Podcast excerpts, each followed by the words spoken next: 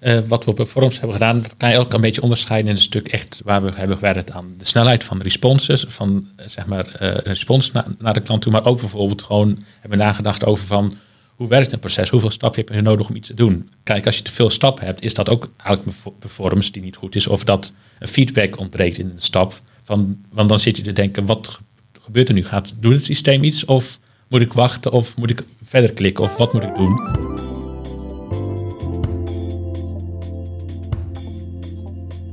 Dag beste luisteraars. Uh, welkom vandaag bij een nieuwe aflevering van Fiscaal Fris. Vandaag in de podcast heb ik Dirk Verzel, manager fiscaal uh, development bij Nexus. En die gaat het hebben over performance en bugs van uh, de Nexus software. Dirk, welkom. Dankjewel. Ja, vertel, wat, wat doe je eigenlijk precies bij Nexus? Bij Nexus werk ik in het Nexus Development Team. daar ben ik verantwoordelijk voor de oplevering van de fiscale jaarversies voor uh, fiscale wijzigingen, eventuele bugs op dat onderdeel en voor het platform van uh, Nextens. Dat uh, klinkt erg goed. Je noemt performance.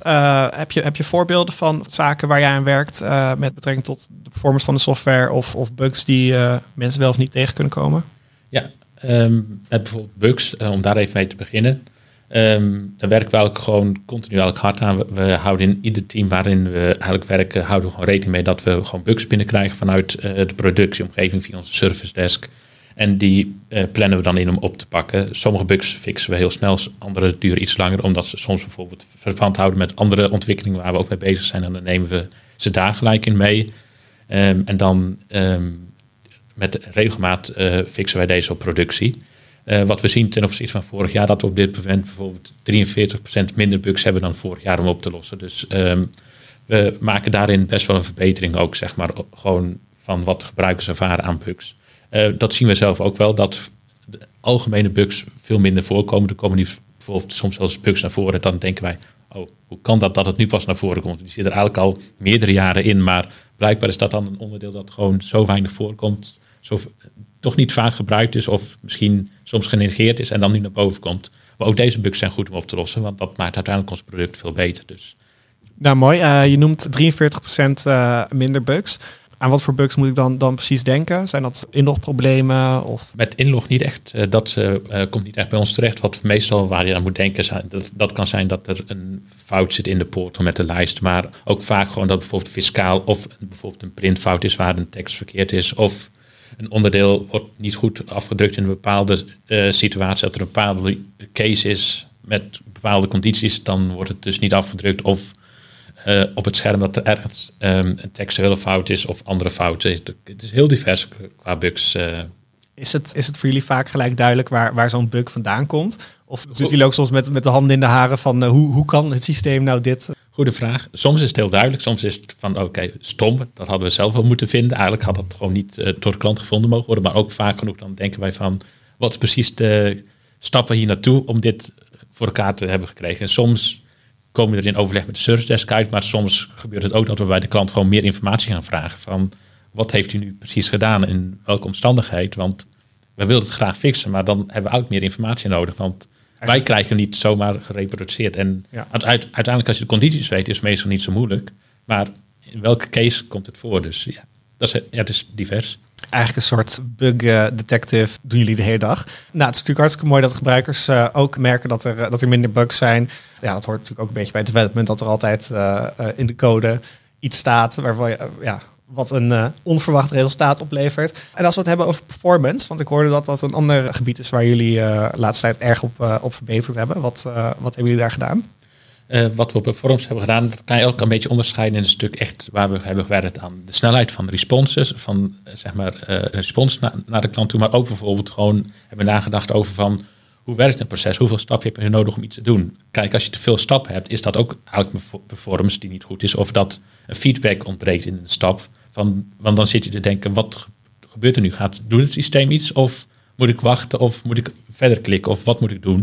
Dus we hebben aan die verschillende onderdelen gewerkt. Als we bijvoorbeeld kijken naar een, het, het, echt het gedeelte van snelheid wat we daar hebben gedaan. We hebben eerst gewoon, daar zijn we al vrij lang mee bezig, gezorgd van dat we alles in kaart hebben van verschillende onderdelen.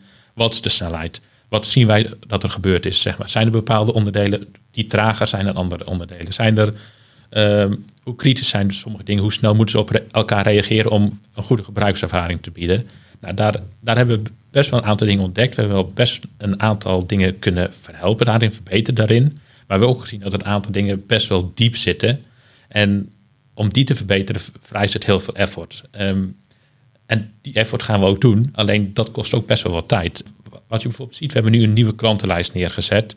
Ehm, die zit nog in de beta-fase. Later dit jaar willen we die gewoon echt in productie zetten. En dan zullen de andere, de oude, wat voor ons de oude klantenlijst is, niet meer beschikbaar hebben in, in, daarin. Maar we zien gewoon dat dat een 40% verbeterde responstijd oplevert voor uh, bijna al onze klanten. Dus dat is echt heel groot. Maar dat betekent ook dat er echt heel veel effort in heeft gestoken uh, door ons. Maar niet alleen dat qua snelheid, maar we hebben ook gelijk gekeken van hoe kunnen we het in de look en feel van eigenlijk het hele Nexus doen. Want we hebben bijvoorbeeld naslag recent is geïntegreerd in Nexus, wat het uh, voormalig, uh, wat eerst fiscaal taal was.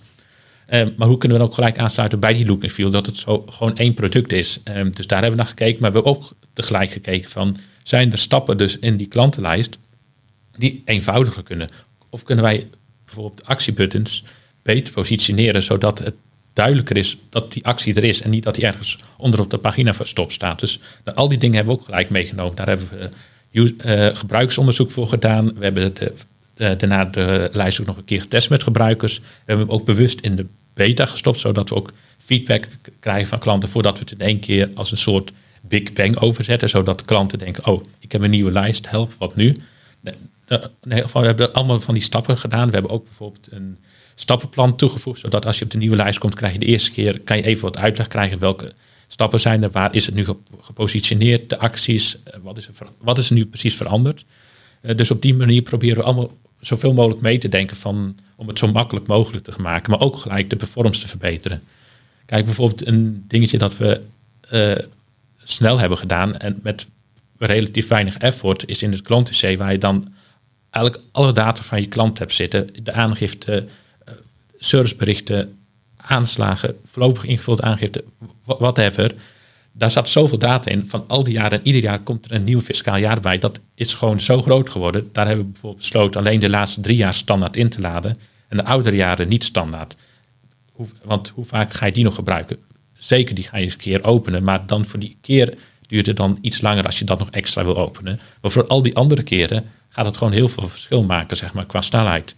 Dus daar zijn we mee bezig geweest.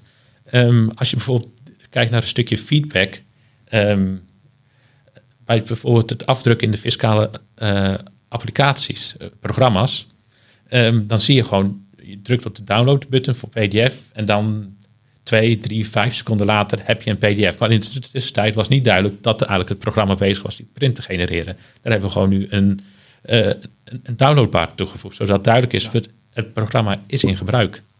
Ik weet uh, uit eigen ervaring dat als het uh, drie, vier seconden duurt uh, voordat iets downloadt, dat ik heel, heel hard, heel vaak ga klikken. Dus een downloadbar die aangeeft dat, dat het proces inderdaad aan de gang is, is natuurlijk een mooie toevoeging. Ik hoor wel, aan de ene kant werken jullie natuurlijk met, met de back-end, de developer side, zorgen dat de systemen goed op elkaar aansluiten, dat de data goed te bereiken is. Maar je had het ook over nou, bijvoorbeeld die downloadknop. Uh, en het veranderen, uh, een, een, een, een, andere knop op een betere plek zetten, zodat gebruikers er door het programma heen gaat. Dat klinkt ook een beetje alsof jullie met, met de user experience van het platform bezig zijn. Ja, klopt. Daar zijn we ook best wel druk mee bezig. Bijvoorbeeld, op dit moment zijn we, dan, zijn we dus bezig geweest met de klantenlijst. Op dit moment werken we aan de uitstellijst. Daar hebben we ook eerder dit jaar best wel veel gebruikersonderzoek voor gedaan. En we zijn op dit moment vanuit elk user research, gebruikersonderzoek, zijn we alweer bezig met de volgende lijst hierna, de werkzaamhedenlijst. En die willen ook eigenlijk best wel een grondige facelift geven, waar gewoon eigenlijk echt heel veel nieuwe ontwikkelingen zouden kunnen komen. Maar daar zijn we dus nu met echt heel veel gebruikersonderzoek bezig. We hebben eerst gebruikersonderzoek gedaan. Wat verwachten klanten eigenlijk? We zijn nu bezig met designs aan het maken, maar die gaan we dan weer valideren met de klanten. Gaan we terug naar de tekentafel, aanpassingen doen, opnieuw gaan valideren.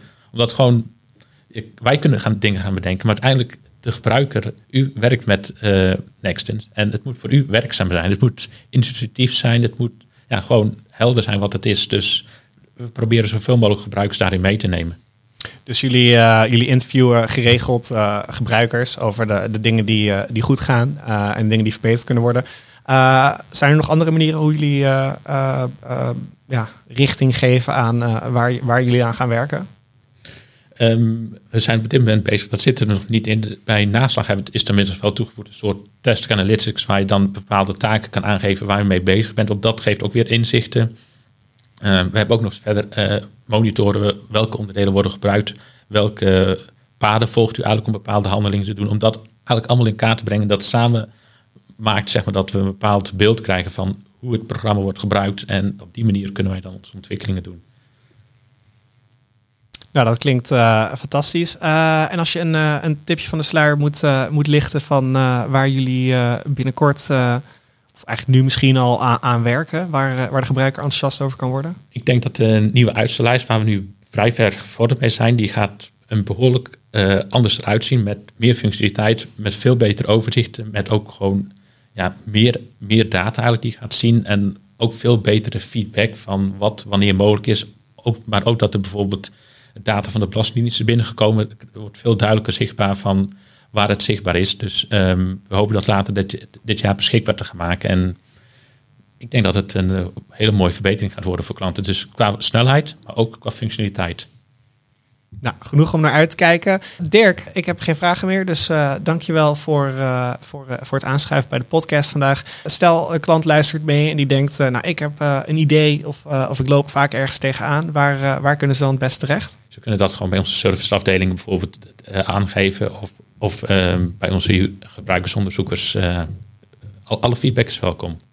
Oké, nou top. Dat, uh, dat was hem dan voor vandaag. En we hopen dat de luisteraars die vandaag hebben geluisterd ook weer aansluiten bij de volgende Fiscaal Fris podcast. We zijn een tijdje off the air geweest, maar we hopen de komende maanden weer een paar mooie podcasts te maken over fiscaliteit en Nexus natuurlijk.